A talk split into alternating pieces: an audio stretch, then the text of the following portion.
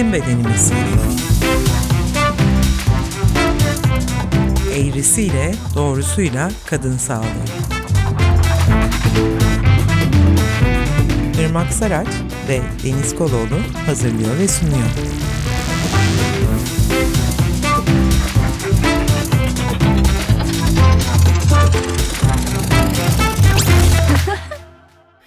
Bizim Bedenimiz Podcast serisinin 14. bölümünden herkese merhabalar. Ben Deniz Koloğlu. Ben Irmak Saraç. Ee, Seven Kaptan çok dirayetli bir katılımcı olarak yine aramızda 3. programda. Biz bunları arka arkaya konuşuyoruz. Siz haftaya haftaya bölünmüş olarak dinliyorsunuz. Geçen hafta orgazmı konuşmuştuk. Bugün de kadınlarda kadın cinselliğini konuşuyoruz bu arada. Kadınlarda cinsel işlev bozukluklarıyla konuya girmek istiyoruz fiziksel ve sosyal sebeplerden kaynaklanıyor ama temellerini anlamak gerekiyor. Hani nasıl cinsel bozukluklar var? Mesela vajinismus en meşhuru herhalde. Yani şöyle en başta cinselliğin fazlarından bahsetmiştik. E, cinsel istek, uyarılma, orgazm ve çözülme gibi. Aslında bu fazlara dair yolunda gitmeyen süreçler diyelim cinsel işlev bozuklukları olarak tanımlanabilir. Frigidlikle ilgisini de şey diye koymuştuk. Neye göre istememek yani kadının isteğinin olmamasını kadın nasıl yaşıyor? Buradaki öznel motivasyonu ne vesaire buna bakmak gerekiyor demiştik. O yüzden de cinsel işlev bozukluklarını cinsel istek bozuklukları, cinsel uyarılma bozuklukları, orgazmla ilgili bozukluklar ve ayrıca cinsel ağrı bozuklukları diye sınıflamak mümkün. Zaten kadında da erkekte de aynı şekilde herhalde. Tabii. Ya bozukluk böyle kulağa kötü tınlıyor yani kadın için erkek için de. Hani başka hastalık alanlarında böyle konuşuluyor mu? Ya da bir hastalık mı oluyor bozukluklar? Ya soralım vajinismus bir hastalık mı? Gerçekten öyle mi mesela? Ee, evet. Sonuçta kişinin bir rahatsızlık, psikolojik boyutları yüksek olan ama fiziksel olarak da bedensel kasılmaların eşlik ettiği işte cinsel birleşmenin önüne geçen yoğun bir kaygı, huzursuzluk hali ve bunun psikolojik olarak da kişinin işlevselliğini etkilediği bir nokta var. Bu parametrelere baktığımızda bir hastalık diyebiliyoruz. Ve bu hastalığın da %100'e yakın, hadi %1 koyalım orada bir şey, %99 tedavisi var. Bizim en sevdiğimiz hastalıklardan biri vajinismus. Yani psikolojik sebeplerle fizyolojik sonuçları olan bir hastalık mı diyelim peki? Evet evet. Yani şey tabii ki psikolojik şeyi de var, paterni de var. Panik bozukluk gibi düşün. Bak bozukluk her yerde var aslında Deniz. Hani anksiyete bozukluğu, panik bozukluk vesaire hani onlarda da var. Yönetememe gibi düşünebiliriz belki hani e, orada kontrol olmaması gibi. Panik bozuklukta nasıl hem ciddi yoğun bir kaygı, e, işte ölüm korkusu vesaire yaşanırken bir yanıyla işte çarpıntı, nefes darlığı, işte uyuşmalar falan filan gibi fiziksel belirtiler de yaşanır.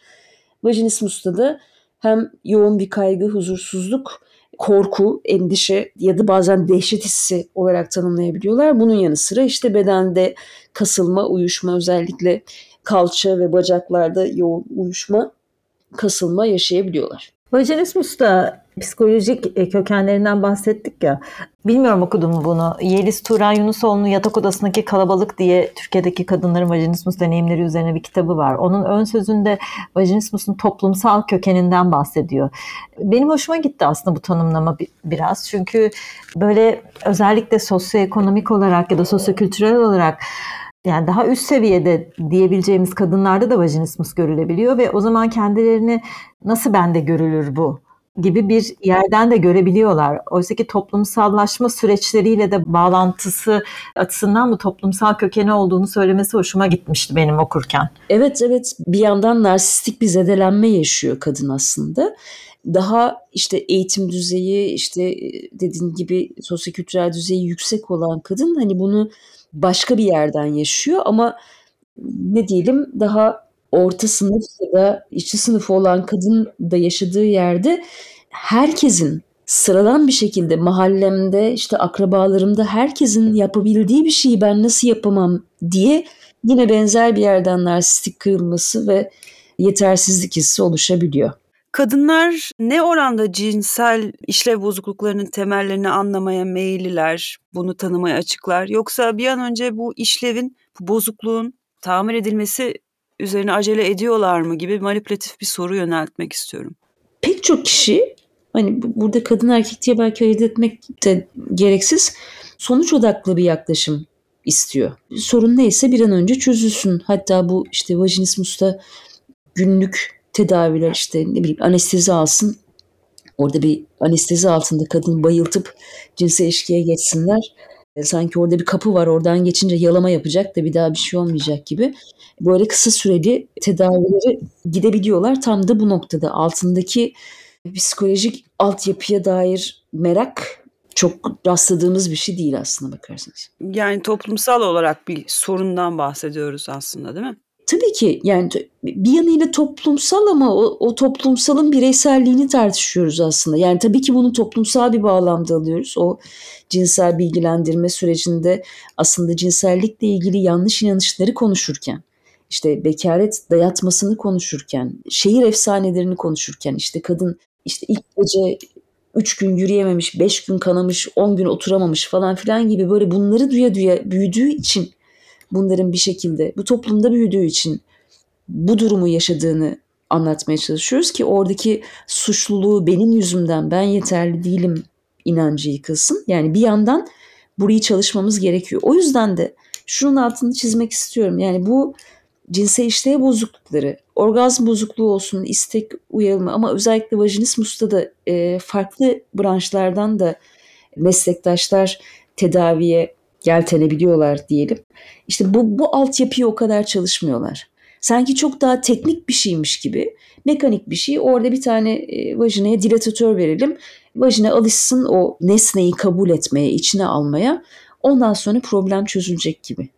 Ama yani bu uygulamalardan seken, tedavi olmamış hatta ne diyelim früstrü olmuş ve hayal kırıklığı yani iyileşemeyeceğine dair inancı vesaire de pekişmiş çok zaman kaybettiğini düşünen e, maddi manevi neyse danışanlar geliyor ve bu çok üzücü. Bunu da söylemek lazım. Yani evet o toplumsal yapıyı ve bunun psikolojisine yansımasını mutlaka çalışmak gerekiyor. Bu benim aklıma şey getirdi. O hem ilk başta konuştuğumuz hani bir an önce o işlevi yerine koyma e, durumu. Şimdi tabii daha çok vajinismus konuşulur ve duyulur olduğu için hani direkt olarak terapistlere başvurma oranları da artıyor tabii ki. Ama genellikle bir birleşme olmadığında önce bir kadın doğumcuya gelip hani biz burayı bir cerrahi olarak açtıralım tırnak içerisinde.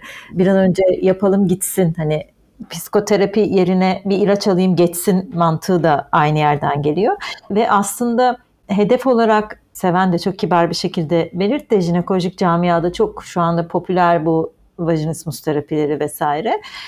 Bir yandan da hedefin sadece penisi vajinaya sokmak olarak görülüyor olması da acıtıcı bir yanı var. Ben öyle düşünüyorum. Yani orada da tam tam anlamıyla bir işlevden bahsediyoruz.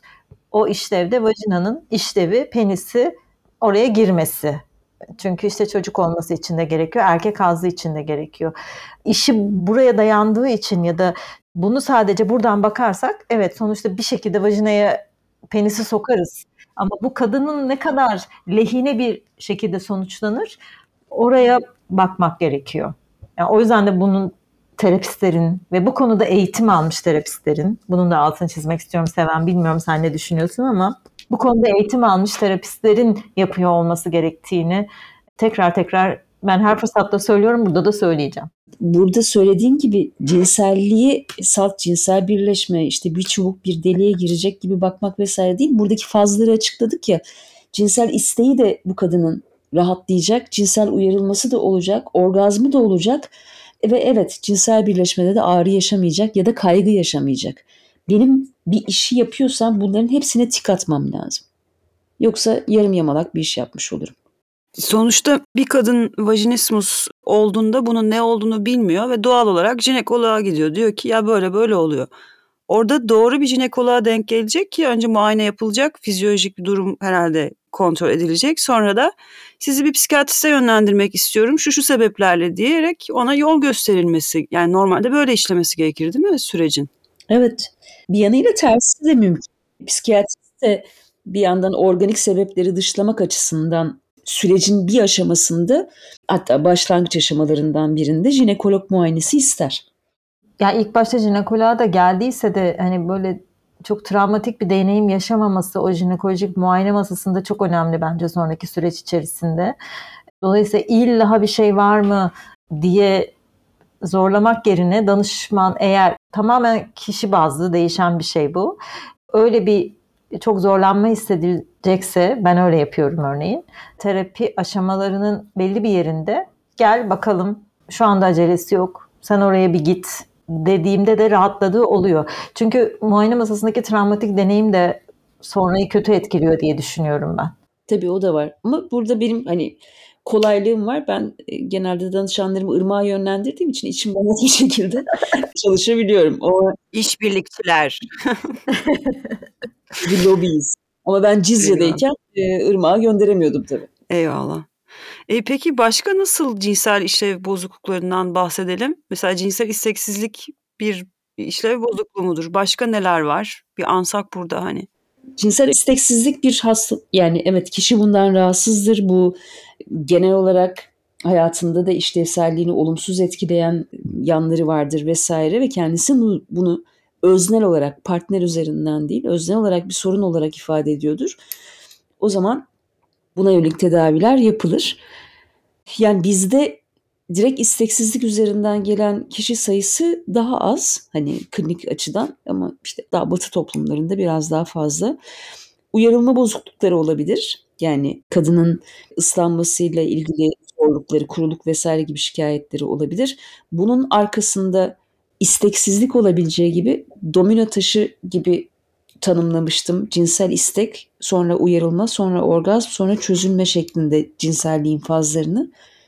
Uyarılmada bir sorun varsa isteksizlik sebepli olabilir ya da orgazm olamamak ve dolayısıyla istek ve uyarılma fazlarının olumsuz etkilenmesi nedeniyle olabilir ya da fizyolojik başka şeylerle ilgili olabilir. Onlara bakılır.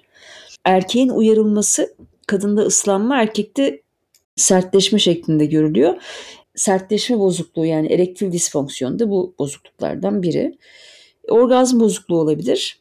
Kadında orgazm olamama, erkekte orgazm olamama ya da erken boşalma erkekte olabiliyor. Bir de işte cinsel ağrı bozuklukları yani disparini ya da vajinismus şeklinde sıralayabiliriz.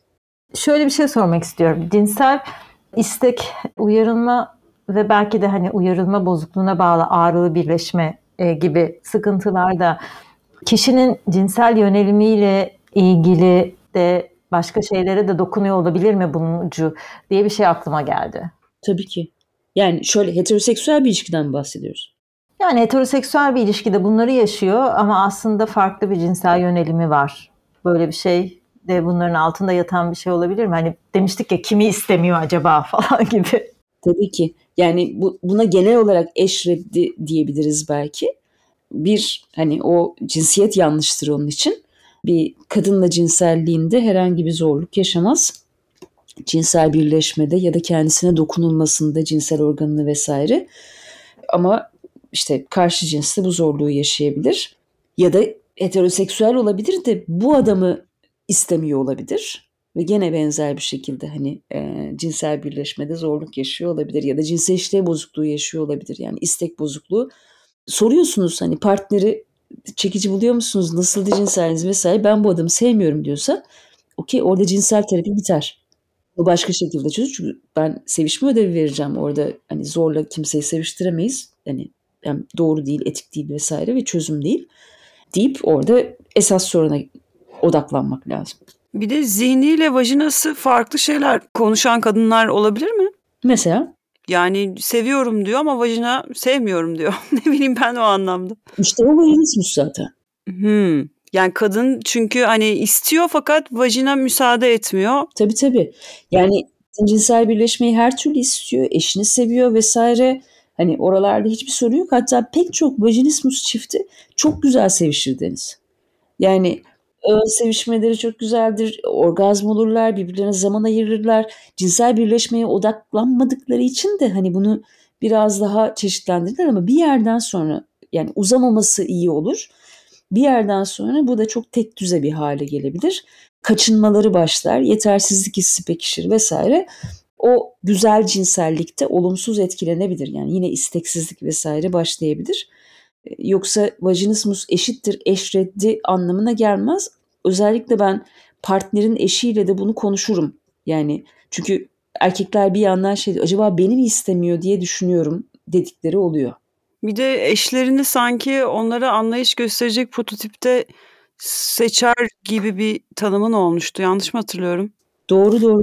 Bununla ilgili çeşitli tezler de var. Vajinismus eşlerinin hani karakterlerine dair biraz daha yakın markaj bakan analizler.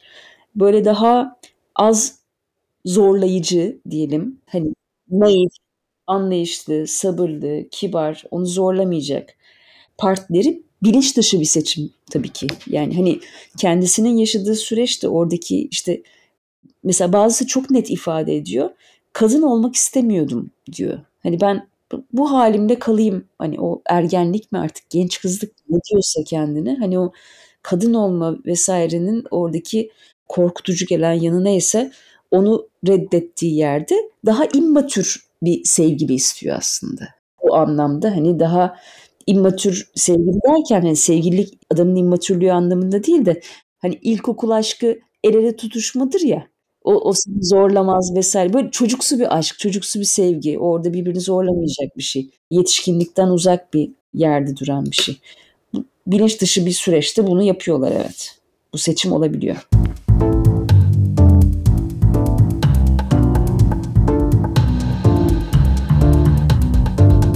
Bir şey daha sorabilir miyim? Aklıma geldi. Kadınlar birbirleriyle de cinselliklerini konuşmuyorlar ya çok. Daha az konuşuyorlar ya da bence konuşurlarken de çok dürüst olamıyorlar durumuna göre. Nasıl ulaşıyorlar bilgiye bu cinsellikle ilgili? Aklıma o geldi yani senin klinik deneyimin açısından. Yani doğru bilgiye erişim başlığı değil mi Irmak? Pardon Seven konuşturmadım ama. Yani mesela benim isteğim de azmış karşılaştırması yapıp geliyorlar mı? Ya da ne bileyim hani işte bu demin o skirting'de falan da bahsettik. Yani benimki iyi olmuyor falan deyip de geliyorlar mı? Ya da bunları neye göre karşılaştırıp geliyorlar? Tam sormak istediğim şey biraz da bu. Şöyle yani vajinismus zaten hani tamamlanmamış evlilik falan da deniyor. Hani o çok daha özel bir ihtiyaç üzerinden çocuk düşüncesi vesaire hani bu bunların hepsi üzerinden gelebiliyor. Özel bir araştırmaya gerek yok hani doktorlar da yönlendiriyor. Cinsel istek çoğunlukla çiftin özelinde bir problem yarattığında geliyorlar. Hani birbirleriyle karşılaştırdıkları bir yerde değil de birliktelikte sıkıntı yaratıyor.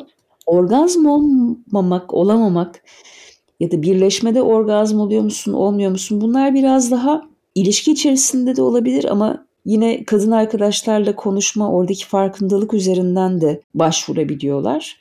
Ya da partnerde bir cinsel işlev bozukluğu var. Atıyorum erken boşalma var vesaire. Burada da kadının yönlendirmesi e, çoğu zaman erkeği getiren yani yardım alması için getiren noktaya getiriyor. Hani bunu çöz diyor kadın. Bir şey daha soracağım. Cinsel isteksizlik şey olarak da gelebiliyor mu? Atıyorum partneri her gün seks yapmak istiyor ama kendisi istemiyor o yüzden de ben isteksizim galiba deyip gelenler de olabiliyor mu? Yani aslında bir istek nasıl söyleyeyim istek uyumsuzluğu mu denir buna bir şey denir mi bilmiyorum da. Tam da doğru söyledin bak akademik insan. Bunun adı cinsel istek uyumsuzluğu.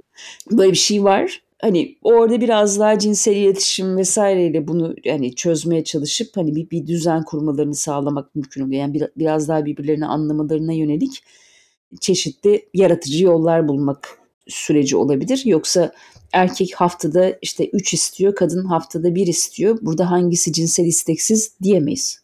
İşte bozukluğu yok aslında. Burada sıklık uyumsuzluğu var. Bunun bir sıklığı var mı normali? Normalde şu kadar istenmelidir diye bir sıklık var mı? Yok. Teşekkür ederim. Bunu altını çizmek istemiştim. Yok. Normal insanın kendine yakışanı giymesidir. Tekrar. ya bir şey yanlış bilmek hayatımızı ne ölçüde alt eder aslında onu herhalde bayağı bir uzun uzun anlatmış olduk. Doğru bilgiye erişim gerçekten önemli. Biz doğru bilgileri bir araya getirmeye çalışıyoruz ama yine de klinik olarak bilenlere başvurmak, doğru doktorlara inşallah denk gelmek bunlar çok çok önemli şeyler. Kitaplar belki kaynak olarak yine kullanılabilir ama internet gerçekten bir dehliz ve yanlış bir yönlendirmeye denk geldiğinizde sorunun kendinizde olduğunu, işte tedavisinin çok zor olduğunu ya da sancılı olduğunu, hani şefkatten yoksun, insan odaklı bir tedavi yönteminden uzak şeylere düşmek çok yani da ne bileyim G noktasını büyütmek gibi bir e, sahtekarlığa sen dedin Irmak değil mi? Hiç beklemediğim insanlardan bu soru yöneldi diye. O insanlar, insanları tenzih ediyoruz ama yani böyle bir sarmaldan bahsetmek lazım. O yüzden doğru bilgi erişimin önemi önemli ama hani bunun sabit şey şu şunu yaparsanız doğru bilgi erişirsiniz diyebileceğimiz bir durumu da yok ama yani en basitinden herhalde doktorlara başvurmak doğru olur. Yine söyleyeceğimiz şey bu olur. Bir sıkıntı yaşadığınızı düşündüğünüzde ben bu bir sıkıntı mı diye sormakta fayda olabilir. Evet evet yani bunu çevrenize sormakla başlayabilirsiniz. Yani orada belki doğru bilgi olmayabilir ama ya bunu konuşabilmek, bunu konuşacak doğru insanları bulmak. Artık bunun tabu olmaktan çıkması bir yanıyla hani birbirimizi ezeceğimiz bir şey değil de birbirimizi destekleyeceğimiz bir noktaya gelmesi iyi olabilir. Hani bak ben şunu yapıyorum iyi geliyor demek var. Aa sen bunu yapamıyor musun demek var. Artık hani kadınlar olarak da böyle biraz daha destekleyen tarafta safımızı tutalım diye düşünüyorum.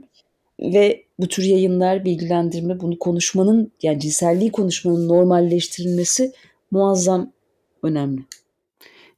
şey menopoz bizim kadının doğal süreçlerini, kadın bedeninin doğal süreçlerini konuştuğumuzda işleyeceğimiz başlıklardan biri ama sana sormak gerekirse Seven, yaşlanmanın kadın cinselliği üzerine etkisi yani bu noktada mesela sana başvuran danışanların sayısı nedir?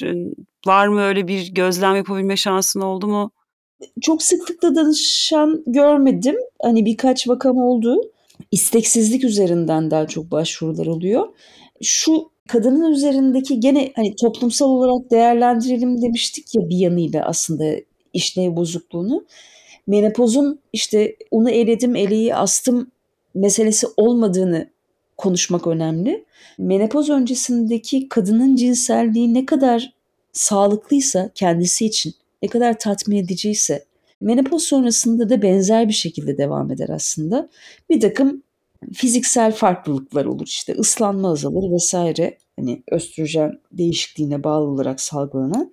Ama onun dışında isteği ya da orgazmı direkt olarak etkileyen olumsuz bir faktör olmak zorunda değil.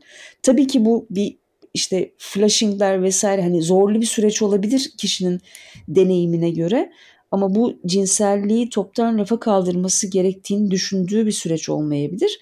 Biraz zaman vermesi ve hani elini eteğini de cinsellikten çekmemesini genelde e, öneriyorum.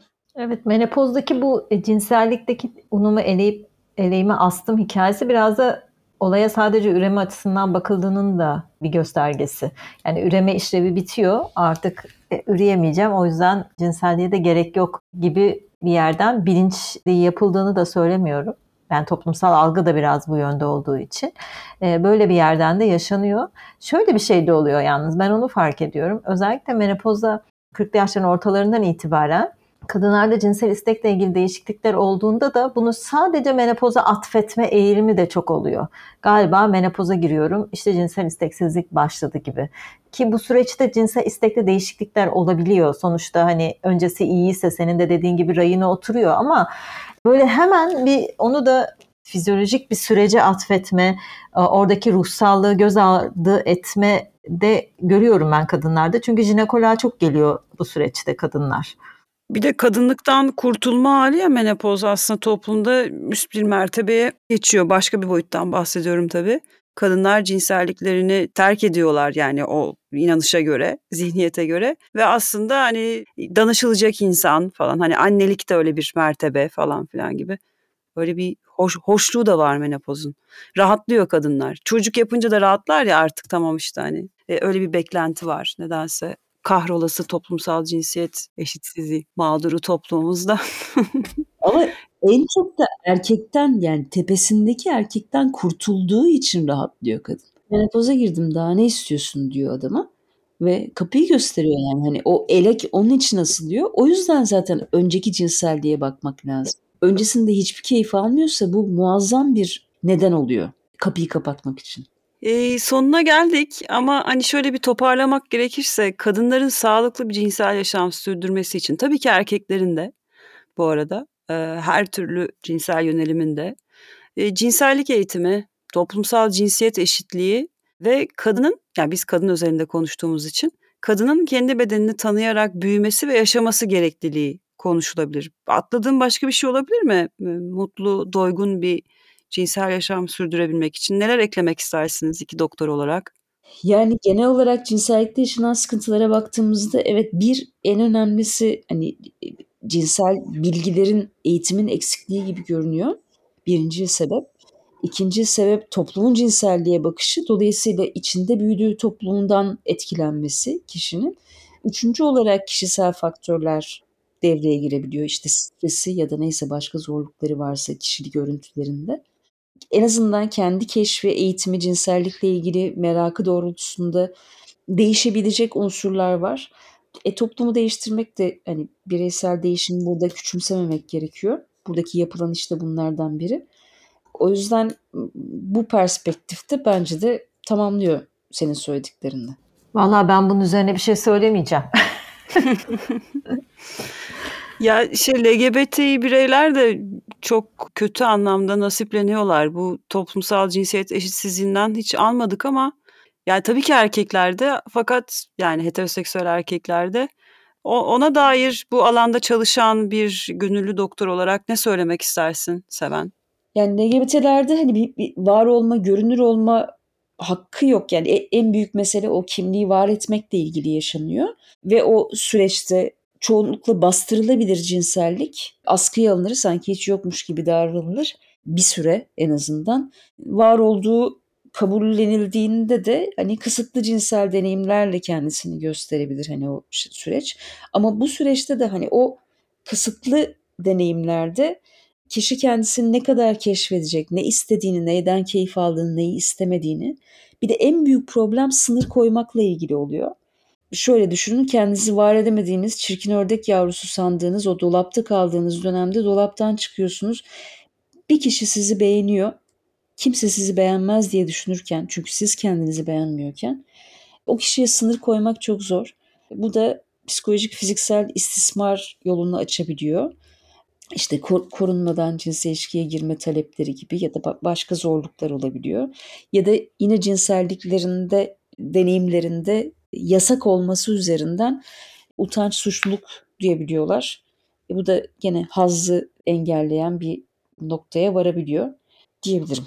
Bu sınır koyma konusuna aslında hiç değinmemiştik ama, yani, daha doğrusu adını söylemedik, şey, tanım olarak. Evet, yani, duygusal yaşamlarımızda, ikili ilişkilerde, iş yerinde, her yerde toplumsal olarak sınır koymayı, bazen evet demeyi, bazen hayır demeyi çoğunlukla bilmeyen, Hı hı. bilemeyen ya da söylediğimizde ayıp olarak otokontrol devreye giren bir yapıya sahibiz. Eee, ama bu bahsettiğin maruz kalma hâli çok üzücü tabii LGBT bireyler için. Evet, evet. Yani, kadının o toplumsal cinsiyet eşitsizliği üzerinden yaşadığı bir yerde o sınır koyma, hani, hiyerarşik bir yerden yaşadığına benzer. Buradaki biraz daha, hani, daha kendini edilgen, ergen gören, yetersiz gören bir yerden yaşadığı bir şey. Ama, hani, o o o noktada hak arayacak ya da kendisini ifade edecek güç de bulamayabiliyor. E, bu bu nasıl aşılır? Gene kadın mücadelesinde olduğu gibi burada da LGBT mücadelesinde kimliği olumladığında insan, kendini var ettiğinde sınırı da var olur aslında. Daha kendi yok ki sınırı olsun. Kadın için de LGBT için de. Valla Seven 3 haftadır bizimlesin. 3 haftadır hiç ayrılmadık. Eee, ağzına zihnine sağlık, yüreğine sağlık. Çok teşekkür ederiz. Zaten birlikte konuştuk, yani, bir konukluktan ziyade. Çok teşekkürler katılımın için. Çok teşekkür ederiz Seven. Ben teşekkür ederim her şey için. Çok sağ ol. Çok keyifli. Aslında bu sohbetlerin sonu yok ama artık bitirsek iyi olur. Gerçekten keyifliydi. Daha devam da ederiz. Bir de sevgili dinleyiciler, biz bu programı gece kaydediyoruz. Siz nerede nasıl dinliyorsunuz bilmiyorum ama gece seansı yani. Bir pazar gecesi seansı.